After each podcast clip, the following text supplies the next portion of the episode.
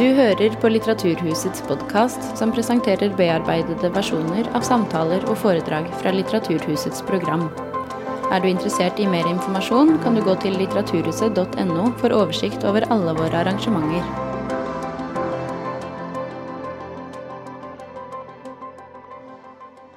Kjære alle sammen. Velkommen til Litteraturhuset og til denne samtalen med Lars Ramsli, Vigdis Hjort og Marte Spurkeland. Mitt navn er Susanne Kalutza, og jeg er leder her ved Stiftelsen Litteraturhuset. Som barn er vi overgitt til våre foreldre. På godt og på vondt.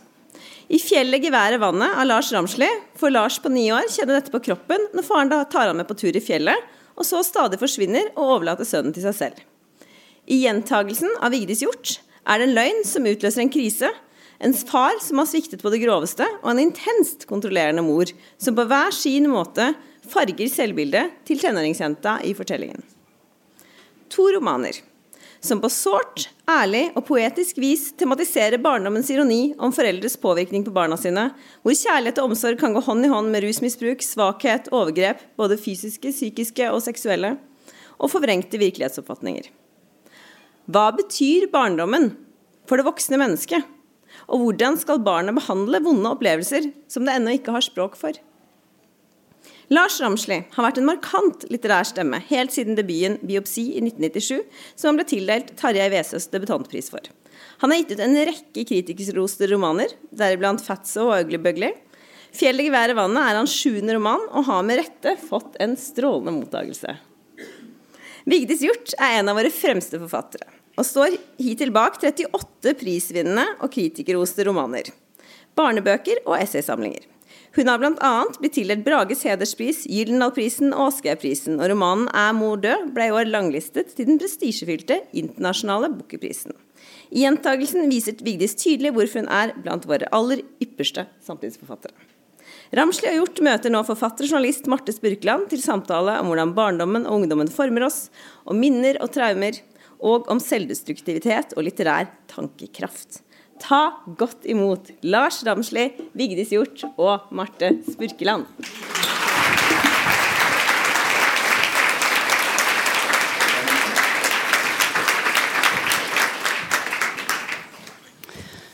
Mange takk for det.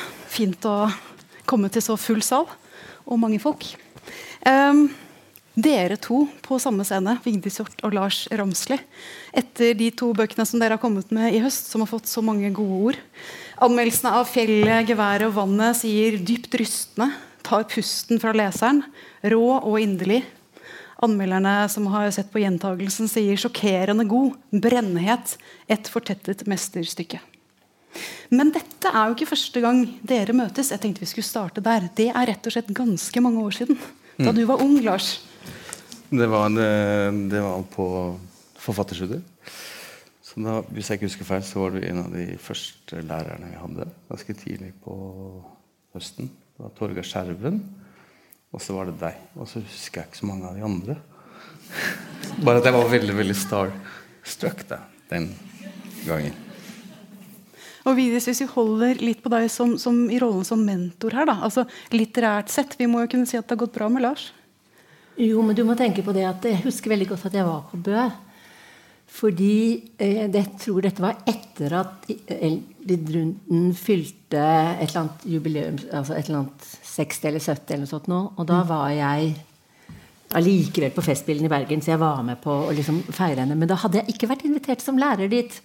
Og det syns jeg var litt sånn sårt, da, at alle de andre var som lærere, men jeg ikke ble Og så ble plutselig jeg invitert. Da, sy, da syns jo jeg, i forhold til det med teori, så mm. syns jo også jeg det Og jeg begynte jo å skrive ung og sånn.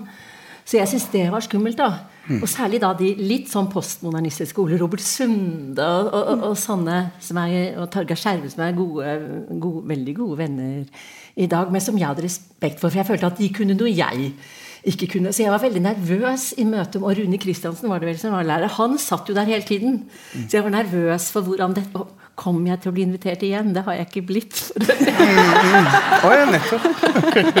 Jeg har, aldri, jeg har aldri vært invitert. Det, det eneste, eneste jeg er litt sånn stolt av, var at jeg, jeg var den, jeg tror jeg den som hadde minst utdanning. Men En venninne av meg når jeg var øh, altså Jeg fikk jo hadde ikke ro Det var mye som skjedde i livet mitt da jeg var ung, så jeg fikk aldri fullført utdannelse. Hvor gammel var du? Den gangen var jeg var vel 22 Ja. Nei, 21 var jeg ja, faktisk. Ja. Men jeg var den eneste klasse klassen som hadde uh, vært borti Wittgenstein. Merkelig nok. Eller jeg var en, en av to. Da. Den andre kunne det langt bedre enn meg. Men det var fordi at jeg, jeg hadde hatt veldig mange omsorgspersoner i livet mitt. Så hadde jeg også en omsorgsperson da jeg var 19 og faren min hadde dødd, og jeg var ganske fattig i Oslo, som lot meg sove hos henne. Og så betalte vi medlemskort på Blindern eh, på filmklubben. Og så dro vi og så den eh, Hva den het fra Derek um, Jarman? Ja, Den ja. Wittgenstein eh, Så jeg hadde plutselig, i forhold til alt det andre som fløy over hodet på meg, som jeg ikke kunne plassere De, de var jo veldig godt orientert i litterære landskapet. Så plutselig så ah, ja, ok. Wittgenstein, ja, ja. Det, det er ikke hvem som Da, da, helst. ja, da, da kunne jeg plutselig være med litt. Altså. Ok, Så det var på et vis to vilkort da, i den eh, litterære høyborgen i Bø. Eh, men nå sitter dere her. Eh, skal ikke se bort fra at dere blir invitert begge to til Bø. Ganske så snart. Eh, men disse bøkene som jeg er her for å snakke om i dag, da, altså 'Gjentagelsen' og eh, 'Fjellet, geværet, vannet' Jeg vil jo tro at en del i salen her har lest i hvert fall en av dem, men det er jo ikke sikkert at alle har det. Så jeg tenkte vi skal starte med opplesning. Lars, vil du begynne? Ok. Det er i hvert fall det, det er Lars er ni år. Uh, Husk at han med Briller, ja. plutselig. Ja. Var jeg, jeg, er den alderen. Nei, jeg fylte 40, og så sa, snakket, ringte moren min og gratulerte. Og så sa hun om kort tid så må du ha briller, sa hun. Og så hadde jeg alltid hatt så godt syn. Og så lo jeg bare av moren min. Og ett år etterpå så sto jeg og kjøpte briller. Så det hender mor har, Har rett. Har rett. Uh, det- historien er relativt enkel. Den er jo tenkt å egentlig bli fire bøker. Og denne skulle egentlig være mer i, i midten. Jeg skriver ganske horisontalt, og så plutselig så hadde jeg en sånn nesten sånn aristotelisk perfekt struktur i midten, og så skal jeg gå videre på det horisontale. Det er i hvert fall far som vekker opp Lars i år om morgenen hjemme på gården, familiegården. Og de går opp i fjellet. Far sier ikke hvor de skal, eller hva de skal gjøre for noe. Og de har ikke med seg annet enn Nå leser kanskje baksideteksten, men eh, en gevær, da.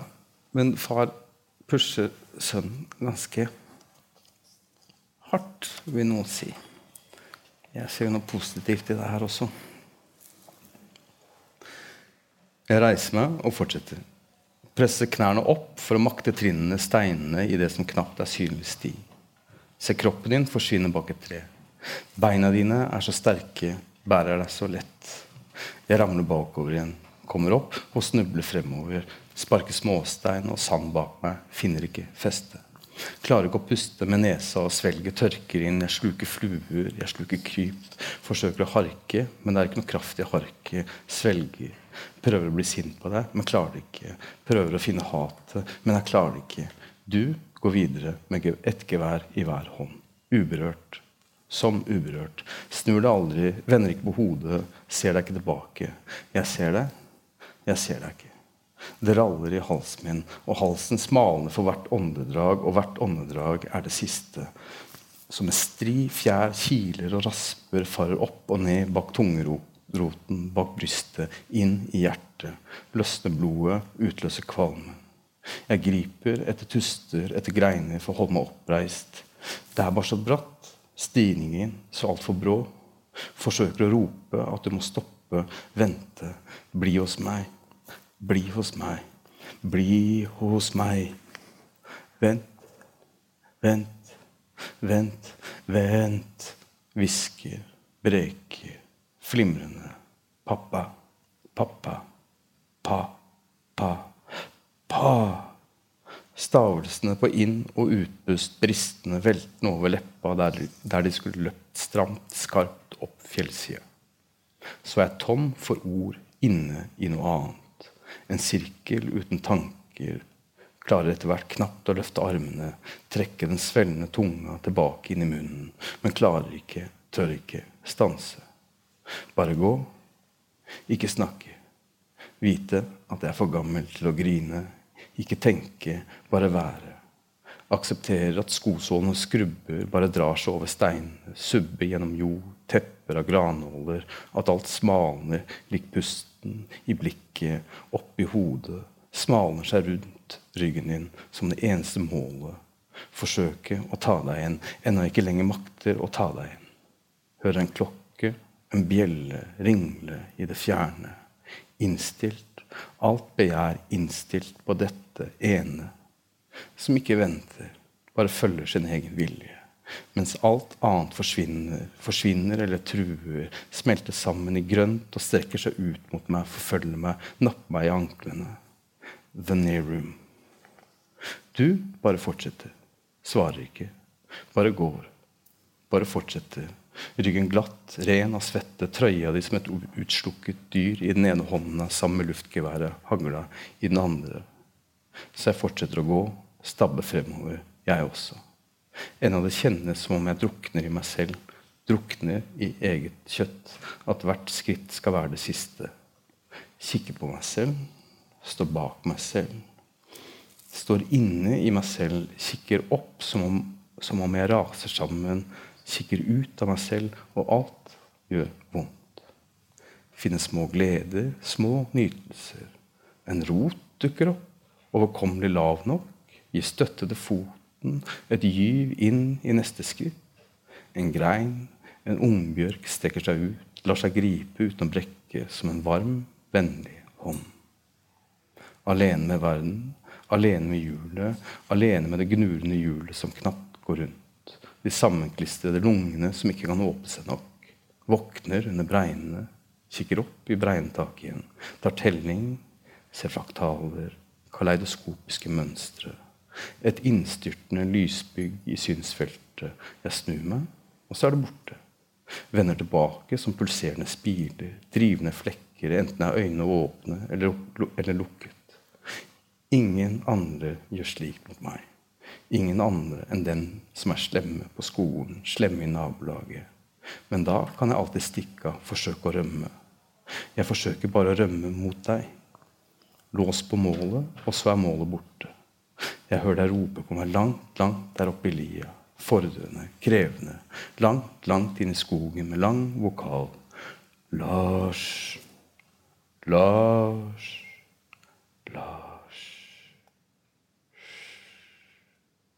Forsvinner i suset mellom tretoppene, kommer tilbake som et ekko fra kilen øst, etterfulgt av den samme ringlingen. Ropet graver seg inn, legger seg dypt ned i hjernen min et sted, for senere å skulle dukke opp som fra ingenting, helt uventet resten av livet. Deretter hører jeg bare ralling fra min egen strupe som krupp. Det eneste med en viss rytme mens jeg stabber meg videre. Forsøker å ta deg igjen, følge stemmen. Raller, raller, raller. Snuble, ralle, gripe, ralle. Så åpner skogen seg, tynnes ut, blir hvitere av bjørk. Jeg kikker ned, vasser, stabber i vann. Vann og mudder sklir over sleipe, slipte steiner. Mister skoen og bare skyver foten ned igjen. Mister skoen og skyver foten ned igjen uten å bry meg om hva som er oppi skoen, hva som er mellom tærne. Hører det surkle for hvert skritt, men orker ikke å se ned.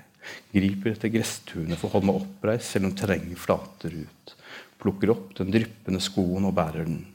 Du stanser, snur deg endelig, der fremme. Løfter den ene armen til hilsen.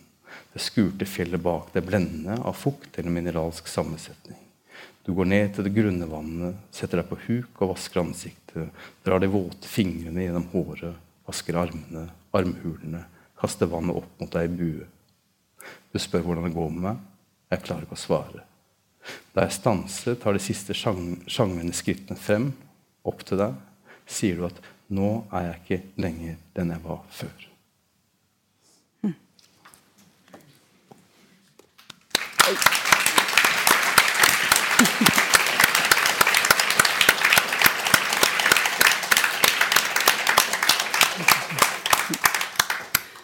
Det var Lars Einar, ni år, og pappa på fjelltur. Som du sa, den, den er tøff, ja, men, men, du ser også noe vakkert ved det. Det skal vi komme tilbake til.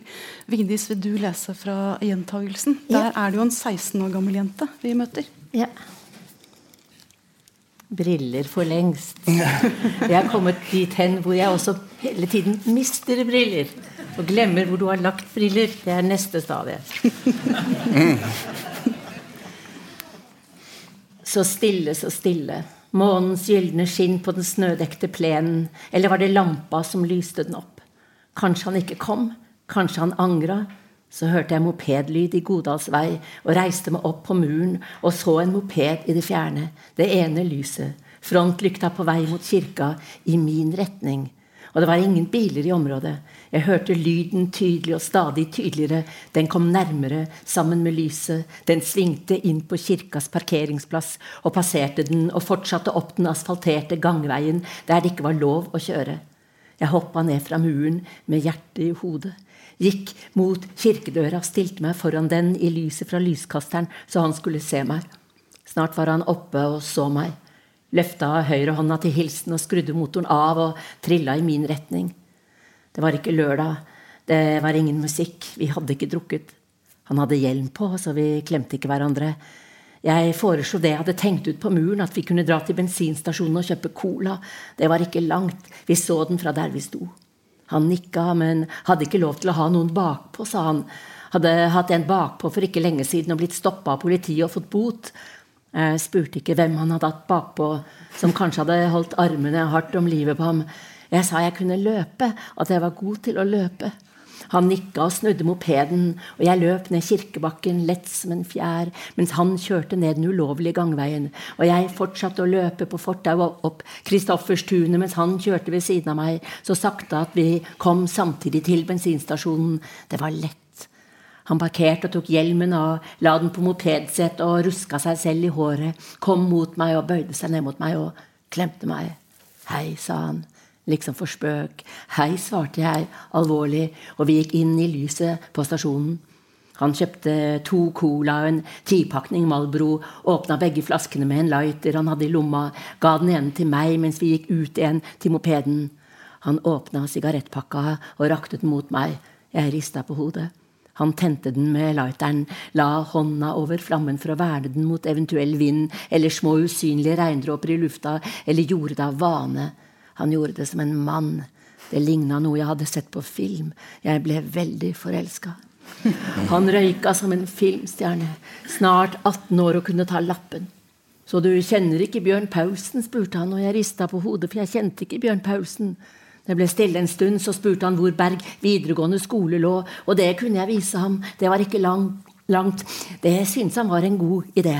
Jeg løp foran ham over den store og farlige avgjørende Tåsenveien mor alltid hadde vært så redd for at vi skulle krysse da vi var små, og videre opp Irisveien og svingte til venstre ned Jon Collets allé til Berg videregående. Og da jeg så den store bygningen, sakka jeg farten, og det gikk opp for meg at jeg ikke hadde vært der om kvelden før, at den så annerledes ut, folketomme, mørke vinduer, bare i gymsalen lyste det. Finn gikk av mopeden og trilla den ved siden av meg inn porten, spurte hvor klasserommet mitt lå, og jeg pekte på de mørke rutene. Han trilla mopeden til inngangen nærmest vinduene jeg hadde pekt på, den jeg pleide å bruke, parkerte der og tok av seg hjelmen, la den på mopedsetet og ruska seg selv i håret. Kom hit, da, sa han, og jeg gikk bort til ham, og han leide meg opp de tre trappetrinnene mot den låste inngangsdøra og snudde meg så jeg sto med ryggen til den, børsta panneluggen bort fra øynene mine, bøyde seg mot munnen min og kyssa den. Dytta meg varsomt mot døra så jeg kunne lene meg mot den, så han kunne kysse meg lenger, mer intenst. Ikke som på festene når vi hadde drukket, ikke som når vi var inne i varmen, ute i kulda i mørket, og derfor var det tydeligere og deiligere. Han tok hanskene av seg og stakk den høyre hånda si opp under jakka mi og under genseren min og inn under brystholderen. Jeg skalv lett. Han la hånda over det venstre brystet mitt og vugga det med lukkede øyne. Jeg åpna mine og så det, hvordan han var i det, hvordan han nøt. Det beundra jeg. Det elska jeg ham for, at han klarte det. Jeg veit ikke hvor lenge vi sto der. Jeg kunne stått der bestandig. Han stoppa, men ikke brått, ikke plutselig avslutta stille og fint, trakk hånda forsiktig ut og trakk ansiktet langsomt vekk fra mitt og åpna øynene og smilte, dro panneluggen min bort fra øynene mine igjen før han lukka munnen, bøyde seg fram og kyssa min måpende med sin lukkede. Det var dette Unni mente da hun sa han var erfaren. Han fant fram sigarettpakka, rista ut en sigarett og satte seg ned på skoletrappa, klappa hånda på trinnet ved siden av seg så jeg skulle sette meg der inntil ham. Det gjorde jeg. Han satte sigaretten i munnen og tente lighteren så flammen lyste opp halve ansiktet, før det mørkna igjen. Men da han tok et drag, gløda sigaretten rødoransje i den mørke kvelden, og han pusta ut røyk som lukta umotståelig krydra og søtt. Han holdt sigaretten mellom ringfingeren og langfingeren og lente håndleddet mot kneet. En litt bleik og tynn hånd satte sigaretten mot munnen igjen, trakk inn og viste meg at, at han kunne lage røykeringer. De satte seg kanskje i håret mitt. Så du kjenner ikke Bjørn Paulsen? spurte han igjen. Gjentok han, og jeg rista på hodet. Og han stumpa røyken og sa det var på tide å dra. Og vi reiste oss og gikk ned fra trappa. Og han tok hanskene på seg og satte hjelmen på seg og satte seg på mopeden og dytta den fram med beina til porten. Starta den, smilte til meg, vinka og kjørte og var borte. Jeg gikk tilbake til trappa, løfta sneipen, lukta på den og la den tilbake igjen som bevis. Mm.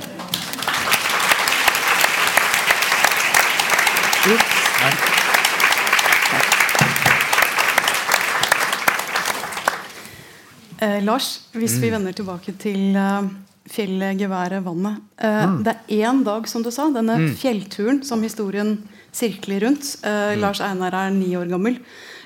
og denne faren, han, han, er hard, han kan være litt brutal, men det er også mye beundring og kjærlighet i sønnens blikk på faren. Han klarer ikke helt å bli sint, selv om han prøver på det. Hva er det med denne faren? Hva er hans lys og mørke? Hva består det i?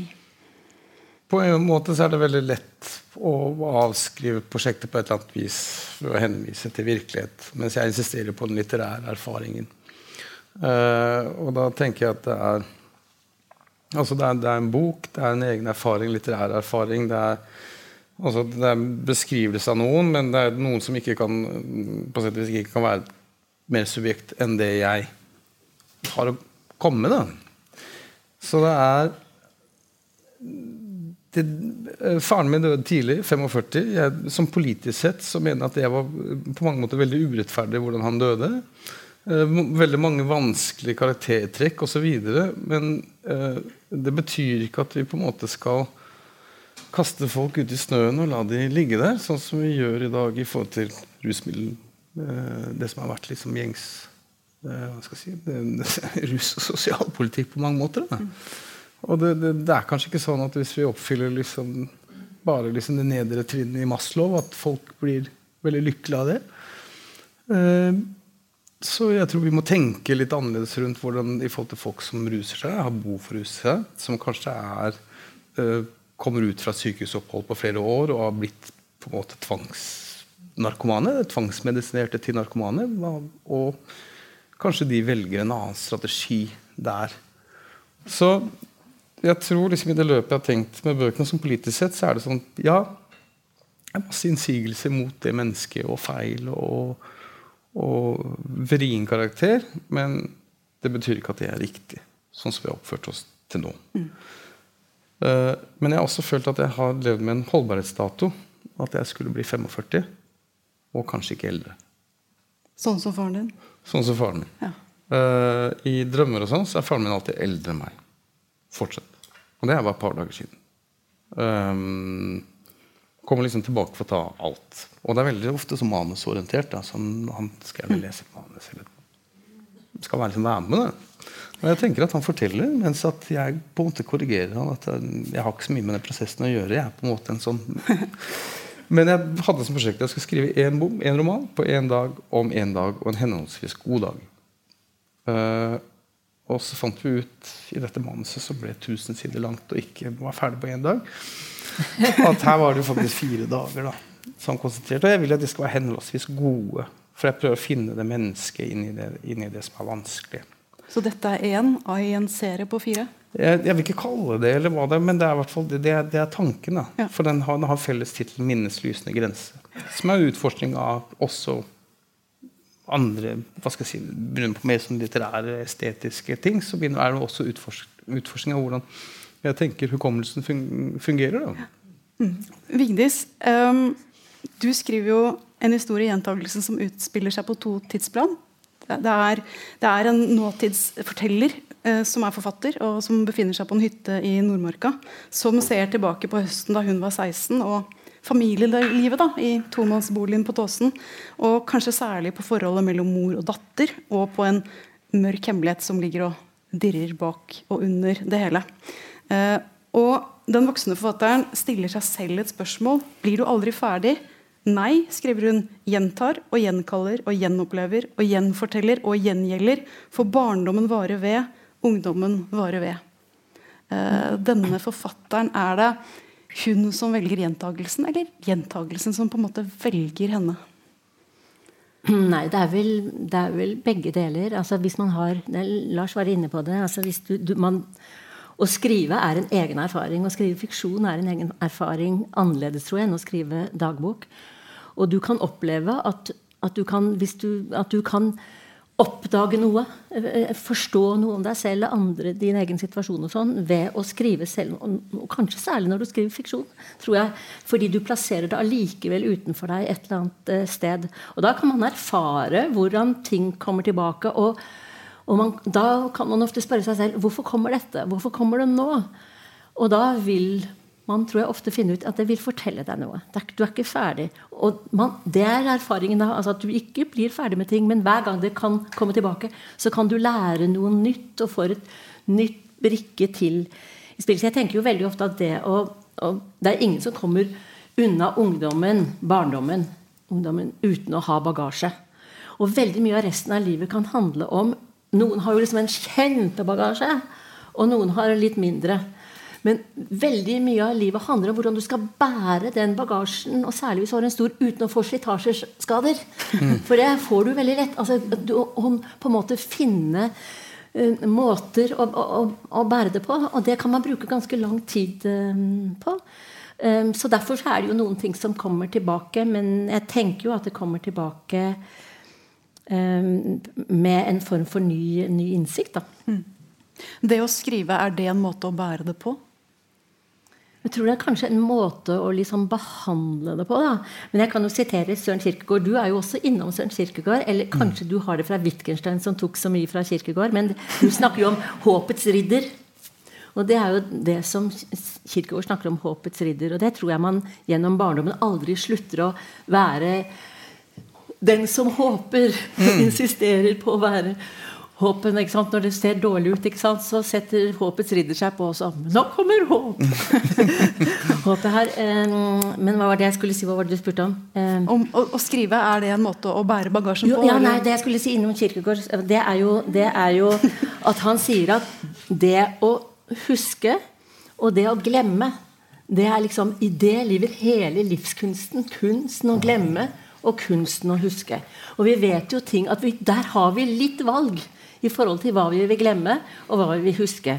Og noen ting av det vi velger på en måte å huske, kan godt hende at det er dumme ting, men da er det fordi at ved å huske det, jobbe med det, så kan du bli avklart i det. Og så kan man si ja, hva betyr det å glemme? Jo, det er det. Det er ikke noe viktig. og sånn. Samtidig så sier han men hva betyr det når vi skriver det sier vi jo, når vi skriver noe i glemmeboken? Mm. Mm. det betyr jo at vi hvis, Dette skal vi glemme mens vi skriver det ned. ikke sant? Men det er to veldig interessante mm. prosesser. Mm. Både det å huske og det å, å, glemme, som ligner hverandre på en måte. Og jeg tror at forfattere, eh, særlig de som skriver det gjør jo alle forfattere i en eller annen forstand, men mer eller mindre litt forskjellig gjennom livet. Eh, men som bruker opplevelser fra eget liv, og det gjør jo alle hele tida.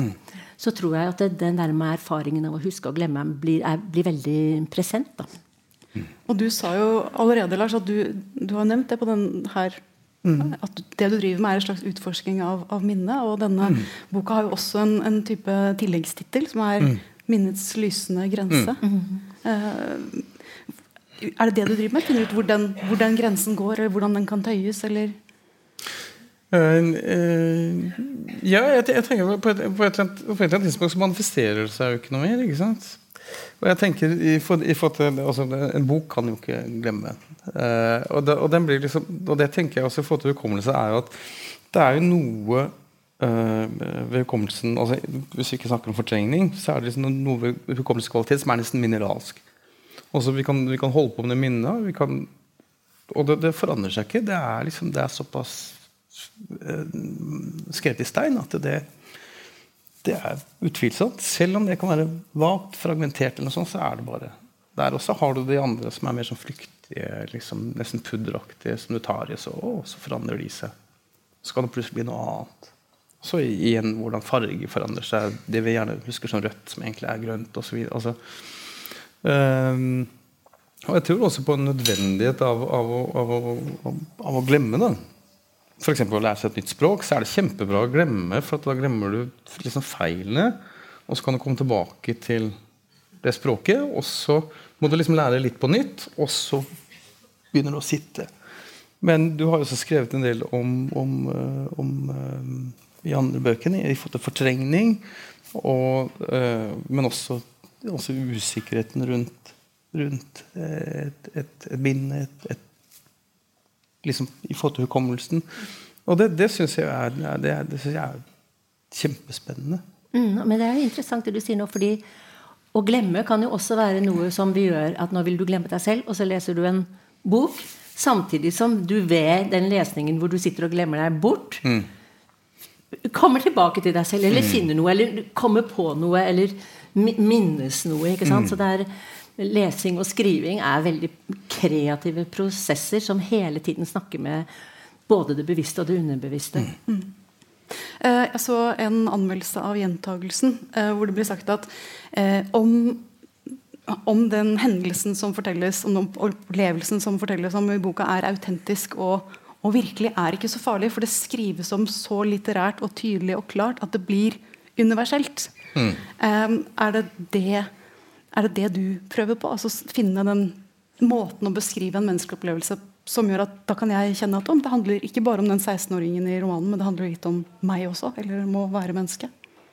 Ja, det tror jeg. Altså, det er jo forskjellen. Altså, jeg har vært litt, sånn lurt på det der begrepet virkelighetslitteratur. Og da tenker jeg på det at det, hvorfor, det, hvorfor, dukker det opp når altså Jeg gidder ikke gå gjennom litteraturhistorien, men det kan, kunne jeg godt bruke en del tid på. Men altså, romanen har alltid vært veldig tett på virkeligheten. Robinson Crusoe, mest solgte 1700-romanen skrevet av Defoe han var så opptatt av at denne skulle bli, skrevet, bli lest som en roman, for romaner solgte i bøtter og spann, at han sa at 'jeg har selv opplevd å bli strandet på en øde øy, og der møtte jeg fred osv. Bare tull! Men han solgte det inn som en roman. For, fordi det var det som solgte osv. Så, videre. så eh, romanen har alltid vært, franske brevromaner har alltid vært tett på, eh, på virkeligheten. Men, men, jeg tror nok samtidig at jo, var det jeg skulle si, at det dukker opp når du har såkalt reality-TV som jo ikke er, Det er jo ingenting som er så set up som det. Eh, og, så, og hvor du har blogger. Så at blogger blir en, et fenomen. Hvor folk kommer hjem, og så skriver de ned hva de har liksom spist i middag.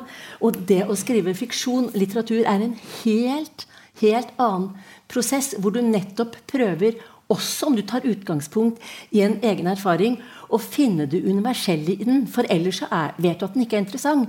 Og bare sånn de fleste vet det, men jeg bare sier det igjen.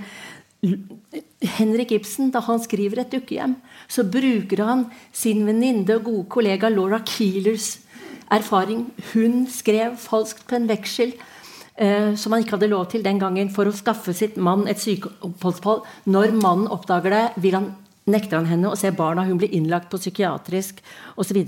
Men det Ibsen gjør, er at han jo løfter jo opp bruker på en måte en triviell bagatell og løfter det opp til å bli et storstilt, universelt drama om et menneske som i løpet av noen døgn ser teppedras ut under sine illusjoner om det livet hun lever. Og han er den store, store, Men jeg tror det er det vi forsøker. Lars gjør det i hvert fall. ikke sant? Altså at, at, å tro at dette, hvis jeg kan løfte det litt fra den egne erfaringen, så kan det angå andre. Og det, jeg tenker på noe av det som jeg syns er veldig flott i den romanen. For Du snakket om at du, ditt inngangsspørsmål. Det er jo altså at først og fremst at han er uforutsigelig. ikke sant? Mm. Og det tvinger jo hovedpersonen til å være, gå oppmerksom for å lese. Hvor er han nå? Hvor er han nå? Mm. Um, samtidig som jeg tenker på at som er en forskjell på romanene, er at det, denne um, faren til Lars Einar har det åpenbart veldig vondt. til tider. ikke sant? Han er selv et, et offer. Det blir veldig tydelig. Som du sier at vi vil skal forstå eh, i forhold til eh, sosialpolitikk. Og det får du veldig godt til. Og det, det er det jeg syns du også skriver veldig fint flere steder, er jo om at den, at den som lider, blir ikke nødvendigvis snill. Det er veldig ofte lett å tro at vi skal bli mer ydmyke og ha det eh, utfordrende. At vi skal, at vi, altså det er veldig den romantiske ideen, ideen om å være fattig, at det er, at det er øh, større hjerterom. Selvfølgelig de gestene Med en gang et fattig menneske gir det lille det har, så blir det, blir det større. Men det er verken svart-hvitt eller forutsigbart. da Den ene rollen du spiller der, og så plutselig så har du en nedre rolle der. og så det forflytter seg hele tiden. Men, men også det, det du, Hvis jeg får lov til å si det om gjentagelsen altså Dette motivet med dagboka. Og jeg tenker også, uten å si så mye om det og røpe for mye om det, så jeg bare, jeg bare tenker også i, i, forhold til hukommelsen så er det Hvis du ikke har blitt kjent med din egen verdi, og det er når du skriver om eh, noe som har vært en anekdote gjennom hele livet for meg så var det det øyeblikket også noe som bare, bare, for noen uker siden hadde, hadde liksom eh, dette vært en morsom historie på Og så plutselig så ser du verdien i det. Og også at du ikke har sett din egen verdi. Og så må du tilbake og igjen liksom omfortolke liksom hele livet ditt. Og det, og det, det tror jeg er sånn det kjenner jeg meg veldig godt igjen i. da, Å ikke kjenne sin verdi verken liksom på kroppen eller hva du, hva du leverer, hvem, hvem, du er, hva du betyr for andre. da. Og det syns jeg du har skrevet så utrolig godt om.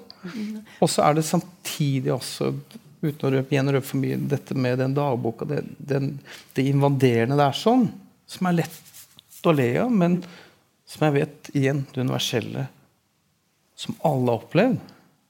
Og som jeg, jeg, vet ikke hvordan det er i dag med digitale ting og foreldre ja. som skal inn i mobiler og, og alt mulig sånn. La, la, oss forklare dagboka, for det er sikkert folk her som ikke vet hva dagboka refererer til. Altså, jeg vil bare men, ikke røpe, ikke røpe for mye. Ja, men hvis dere vil altså, 16-åringen skriver dagbok. Hun skriver dagbok, og hun har store store forventninger til det hun, altså, sitt første samleie. Det hun, så det, og det har jo de fleste unge mennesker bestemt seg for at dette skal skje, og skriver i dagboken liksom sånn Det skal skje på fest. Altså, det skal skje på lørdag. Kjære Gud, ikke la meg dø før lørdag. Liksom. Og så lørdag formiddag. Her skal det stå på disse blanke sidene som lukter forventning, slik som hvitt papir lukter. Liksom. Her skal det stå. Tenk så rart å vite på forhånd at her skal det stå. Og så blir jo ikke det særlig vellykket. Og så klarer hun ikke skuffe sin forventningsfulle dagbok. Så hun skriver altså en historie om så mye safter og gymnast seksuell gymnastikk inspirert av Kriminaljournalen og kvinner og klær og det, de, guttas pornoblader osv. Og, så og det er den foreldrene leser. da. Men jeg har bare lyst til å komme til, tilbake til noe altså litt alvorlig som du var innom. da. Mm, mm. Altså Veldig veldig alvorlig, faktisk. fordi For i 100 år da jeg var nestformann i Forfatterforeningen, så inviterte vi palestinere og jøder var rundt Oslo-avtalen for å få dem til å liksom, samtale i Norsk Forfatterforeningen. Og det endte med å bli en konkurranse om hvem som hadde lidd mest. Altså jødene som hammet opp det og det og det og sånn, og sånn og så har du på sine. Mens regelen er, som du sier, man blir ikke god av å ha det vondt. Regelen er at den som blir slått Og det har vi sett et eklatant eksempel på akkurat nå. At når man behandler det palestinske feltet så undertrykkende og på en måte lar de omtrent dø der på Gaza uh, før, så, så det, kan det være faen fucking det samme. Ikke sant? Og det, hatet blir så, så stort. Altså det er, det er det, liksom som, og dette skjer i familierelasjoner. Mm. Og det skjer eh, på det politiske, på det politiske eh, planet. Og bare nevne fort Sigmund Freud. Som skriver i 1916 da har du hatt en illusjon om at den store europeiske krigen kommer ikke. fordi det er Gertrud Stein har internasjonale salonger i Paris, og det er den psykoanalytiske eh, kongressen har internasjonale Den store europeiske krigen kommer ikke. Og så kommer den å bli verre enn noen tidligere krig. Og de sivilisatoriske nyvinningene kan jo hjelpe krigen. Altså, Togene kan frakte flere og flere kropper til stadig flere kropper til, Fòre fronten med kropper repeat gjør at du ikke slipper å gjøre sånn. Du kan bare papp, papp, papp, papp, papp. Og så, eh, på den første dagen, slaget ved Somme, 1.7.1916, så dør, eller blir til døden lemlestet, 50 000 engelskmenn! Av alle som var der. 50 000 engelskmenn! Og når, dette, når dette, forferdelighetene går opp for folk, så blir de så liksom, Gud, tenk at de, at de, kan krige de andre nasjoner. Liksom, de store kulturnasjonene. Tyskland, England, Frankrike. Og da skriver Freud et essay som heter 'Tanker om krig og fred'. Så sier han jeg deler forferdelsen, men ikke forbauselsen.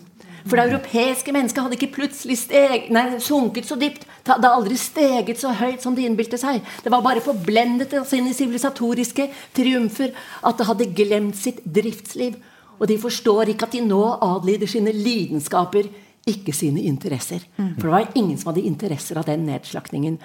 Og, at, og så sier han til slutt det menneskets oppgave er å lære seg å leve med sine drifter på en klok måte.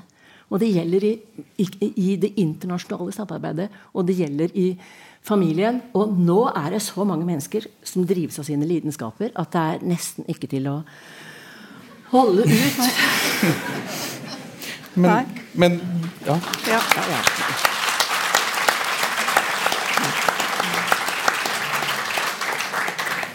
Men det, men det, er det jeg synes er vel det, det, som er Når vi snakker om litteratur, litterær erfaring, og du snakker om fiksjon, så er det Jeg tenker i, uh, i, i, dine bøker man kan, kan falle som, det, det, er, det er jo omtrent kammerspill. Uh, og da, da, er det litt sånn, sånn altså Du har det der at du har det der mikro som plutselig, sånn som du gjør nå, kan gå over i, i makro. da. Men du gjør jo det. Og hvis det er, bare si det, tenk på den tittelen, som du fortalte først. Hva, hvilket grep, da? Mm. Niårig sønn. Far skjønner uforutsigelig på det du leste. Mm. To geværer på hytte langt inn i. Ja. Det er noen lidenskaper og drifter der også. Ja. Eh, jeg tenkte vi skulle snakke om omsorg. Eh, altså, den første delen i 'Fjellet, gevær og vannet' heter jo 'Former for omsorg'. Mm.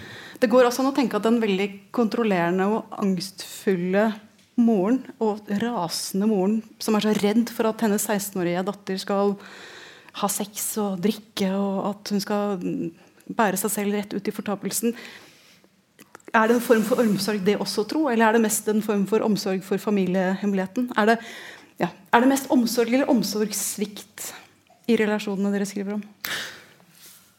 Jeg tenker at folk flest gir faen, da. Så det er liksom at hvis noen bryr seg på et eller annet vis, enten vil være sinna på deg eller vil ha noe av det, eller et eller annet sånt, så er det en form for interesse og nesten en form for omsorg. da. Alt annet enn likegyldighet. Ja, ja, det er litt, det er litt, litt, litt sånn nitsjansk, hvis, hvis, jeg, husker ikke riktig. Men det er litt sånn, folk flest lyver til seg selv. Så hvis noen tar seg bryet med å ljuge til deg, så kan du se på det som en som en form for omsorg. Da. Um, og det, og det, det, det, Ja, det er kanskje på ulike Altså, altså noen kan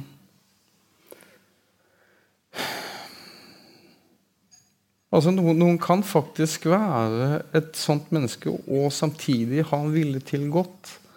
Og ha en vilje til omsorg. Og svikten er vel akkurat i det altså, I det den forestillingen kanskje du har om deg selv også, går i stykker. da, At du svikter. Men um, Jeg tenker at I gjentenkelsen så er det vel det som den voksne fortelleren mm. forstår, er at morens engstelse dreier seg ikke så mye om en reell redsel for hva datteren gjør, men at det kan avsløre noe familiehemmeligheten. ikke sant? Mm. Hvor hun selv er på et eller annet vis involvert.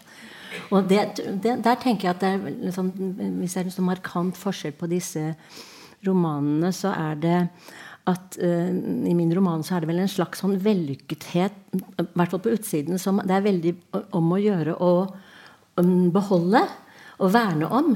Mens det som er interessant uh, i din roman, er jo at, at det uh, lille Lars skjønner med en gang og en, Det syns jeg er noen av de mest rørende scenene, er der hvor han skal overnatte hos, før um, overnatte hos en Faren kan ikke ha han siste natten før de skal dra. Og så er det om å gjøre å finne et eller annet sted hvor kan Lars være. Og så må han liksom finne en ganske sånn perifer eh, fyr som har en sånn Og det at Lars forstår hvordan andre ser på hans far, og de møter med det, normalsamfunnets møte med faren, det gjør jo at Lars forstår at noe som kanskje Lars har skjønt fra før, men som er ekstra vondt når han møter det samfunnsblikket. da.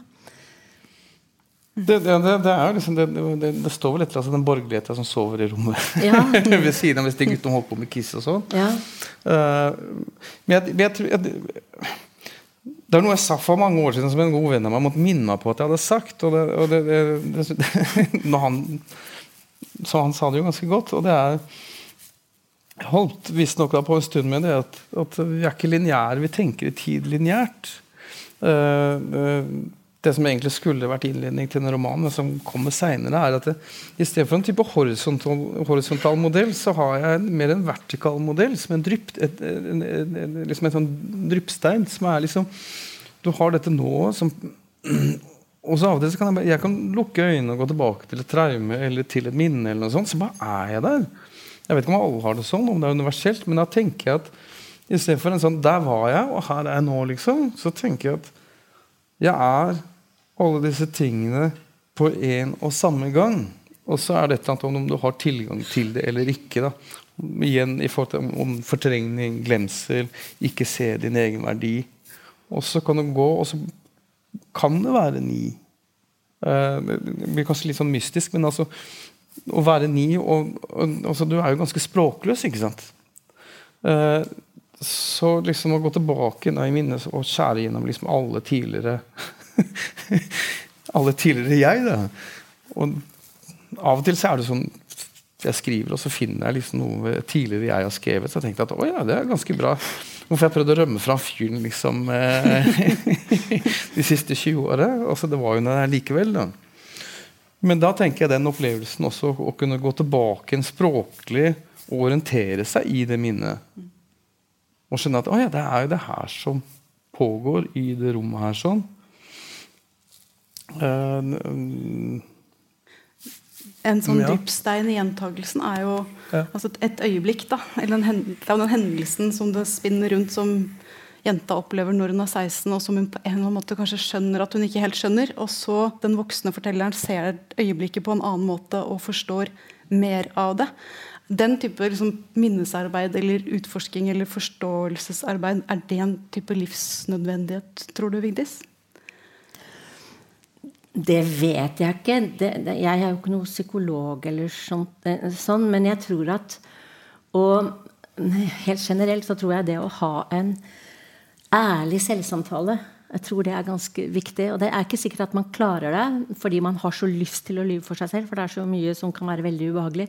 Men det å ha, hele tiden spørre liksom, hva er det som driver meg nå? Jeg skulle så ønske det var noen noen menn i USA, særlig én mann, som spurte hvorfor vil jeg egentlig bli president i USA. Hvorfor egentlig, liksom? Og det Men men, men, men det, og, og, og, for meg så handler det om å ha tilgang ned til det underbevisste. på en måte, og det er, det, det er, mange måter å få det til. Lesing, skriving, men også f.eks. å høre på drømmene. Da. Så jeg prøver alltid å skrive ned drømmene mine. Og det var en drøm som lærte meg noe. F.eks. at når jeg møter en, et menneske jeg umiddelbart føler en veldig stort ubehag, antipati mot, ofte en kvinne, så har da, den drømmen lært meg at det er og det har, det har jeg skjønt etter hvert. En regel uten unntak. Alltid en kvinne som ligner på meg. Som har sider som jeg har, men som jeg har et uavklart eller ambivalent forhold til. Og det har det plutselig sånn ok, Hvis jeg da føler et veldig antipati i møte med et fenomen eller et menneske, så kan jeg tenke Hva forteller det om meg? Istedenfor å utforske det. Og liksom bare den der, å, å prøve å få jeg kan bare si et bitte lite eksempel. Altså, etter annen verdenskrig så føyk jo folk ut og klipte håret av de som hadde vært sammen, eh, kvinner som hadde vært sammen med tyske soldater. Og forskning har vist at det var jo ikke det var jo ikke motstandsmennene enn motstandsfolka som gjorde det. Det var de som hadde sittet på gjerdet og ventet på utfallet av krigen. De som hadde holdt, holdt, begge sider varme. De som kanskje hadde tatt imot en flaske whisky mot å gi noe informasjon til noen tyskere. Og liksom når de, det var de som var der, Du kan tenke Hva slags renovasjonsarbeid var det som foregikk da? De skulle klippe håret av dem men rense seg selv. Og hvis de da liksom hadde hatt litt sånn selvrefleksjon Hva driver meg nå? Hvorfor er jeg så ivrig med den saksen? Så ville de kanskje blitt litt mindre ivrige. da, Så jeg tror bare selvrefleksjon og, og og mer enn kanskje sånn ja, fordi Alle mennesker kan ikke skrive romaner, og sånn, men å ha selvrefleksjon og, og prøve å ha en ærlig samtale tror jeg er veldig viktig. altså. Jeg er enig i det, det, du sier om, om, om psykologi. Uh, um, Altså, men det, det, det, er ikke mitt felt heller. Men sånn som jeg opplever det i dag eh, gjerne, Jeg kan gjerne ha misforstått. Men altså, i forhold til den kognitive psykologien liksom, Fortrengning er bra. Altså, fortrengning er liksom bra for, altså, Det er sikkert nødvendig når du skal, når du skal gjennom et traume, gjennom en krise, for å komme deg videre, så må du jobbe med fortrengning.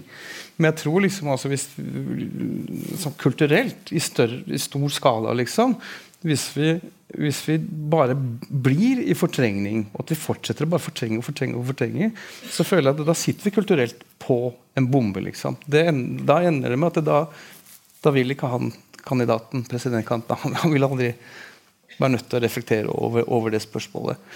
Og, og, så når du går tilbake til, til Freud, som skal liksom ned og, og grave opp ut fortrengning og ha ting opp igjen, så kanskje, men kanskje det er kanskje det er en slags puls, da, hvor vi går igjennom de to bevegelsene. hvor ok, Nå må vi fortrenge, men nå må vi faktisk begynne å grave litt igjen. Ellers så, så smeller det. og kunsten å glemme og kunsten å huske. Ja, ja. Gi en puls, som du sier. Ja. Uh, at det er en eller annen form for vekselvirkning. Uh, det er sånn. Um, og, ja. og en ting jeg ville si igjen i forhold til det når, når, du, når du klarer igjen, Du har det kammerspillet, og så kan du ta det ut i det, liksom det store verdenstablået som du gjør nå. Og da tenker jeg også at skriving er en, en, en, det er også en utforskning av vold. Og volden kan faktisk liksom komme ned på et siste stavelse. Den kan liksom være der, og så er alle på tå hev og redde. Og at det, at det avslører så mye, da. Og det syns jeg den, igjen har vært fantastisk her og i andre bøker. Ja, takk i like måte. Sitter vi her og blir veldig oh. Ja, dette er jo en slags blanding av en, en verdensanalyse og en ø, psykologisk litterær salong. Eh, veldig fint. Eh, avslutningsvis, Lars. Eh, hva er forskjellen på deg å behandle noe privat og behandle noe litterært? Det snakket om da vi hadde en forsamtale. Ja. Mm. Ja, er, jeg, jeg, tror at det, det, det, var en periode i livet mitt hvor jeg, hvor jeg tenkte at nå har jeg liksom løst det er litterært. og sånn. Nå går det jo bra. Og det var som med debuten min. Eh, som det gikk jo bra med. Folk var jo, det var jo noen folk rundt meg som var litt bekymra for at jeg skulle jobbe med det som materie litterært den gangen. Eh, og, og, igjen, allerede da, altså Men da, da, var liksom dokumentarismen i vinden og sånn. Og, men så var det også Jeg insisterte den gangen på at det ikke var det. Så hadde jeg en, en, fetter med meg og noen venner som jeg skulle motta Vesaasprisen, så satt journalisten og sa ja, det er vel noe biografisk. Er det. Og så var det liksom det er, ikke, det er liksom ikke poenget. Um, jeg ville skrive stykker norsk narkotikapolitikk, blant annet. Uh, og så var det liksom sånn dette var bra, dette gikk bra, du fikk en pris osv. Men det var litt sånn holdningen var jo litt Ja, nå er vi ferdig med det her. Og så tenkte jeg også ja, nå er vi ferdig med det her. Og så holdt jeg på med en annen type uh, litteratur. Jeg har også skrevet om 1983 samme dager. Da, sånn litterært, som et litterært prosjekt så utvisker denne Destroyer for at de overlapper hverandre. Eh, så kan det ikke være to steder på én gang hvis det liksom skulle vært virkelig. Blant annet, da. Men eh, Så jeg trodde på mange måter jeg hadde det bra. Jeg trodde jeg var ferdig med det her. Og jeg ville også som et slags fadermord liksom, virkelig løse, lage min egen, egen eh, litteratur. Eh, egentlig bare for å oppdage at eh, det kom og liksom beit meg i ræva igjen.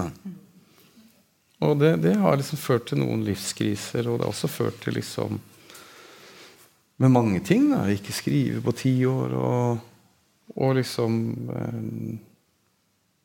blitt, en, blitt, en, del ting å, å, jobbe med.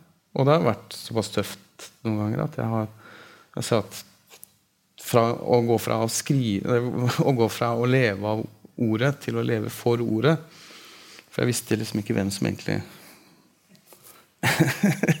hvem som eh, hjalp hvem, da. Mm. Men eh, igjen så er det det. Det er, det, er, det er, ting i livet mitt som jeg føler jeg har løst privat. Som er sterke, helt forferdelige, forferdelige ting. Men det føler jeg at jeg, jeg har klart å løse det privat. Så da kommer det ikke opp igjen. ikke sant? Uh, da, da, har ikke jeg noe behov for å løse det litterært. da. Så det er litt sånn pick your fights også. Uh, at det er liksom ting du kan forsone deg med, men Jeg har ikke løst mine. men gudene veit om det kommer og biter oss i ræva igjen, igjen og igjen. og igjen. Og det, men igjen, jeg, jeg, tenkte også på den evige gjenkomst, selvfølgelig. Dilemmaet med evig gjenkomst.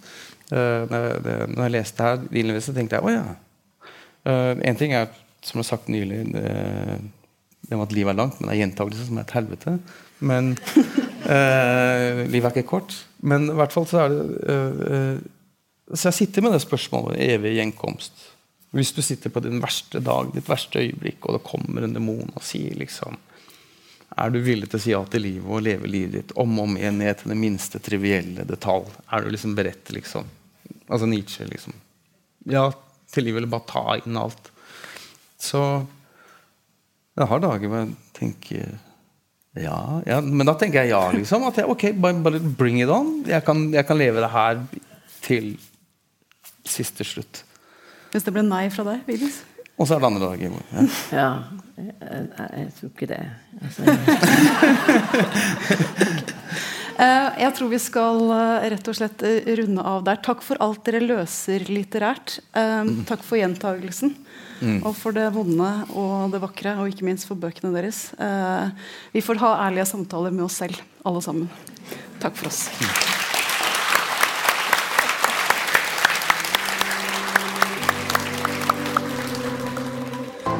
Du har hørt på Litteraturhusets podkast, som presenterer bearbeidede versjoner av samtaler og foredrag fra Litteraturhusets program. Del gjerne podkasten med familie og venner via iTunes eller Soundcloud om du liker det du har hørt. Følg oss også på Facebook og på litteraturhuset.no for informasjon om flere aktuelle arrangementer. Musikken er laget av Apotek.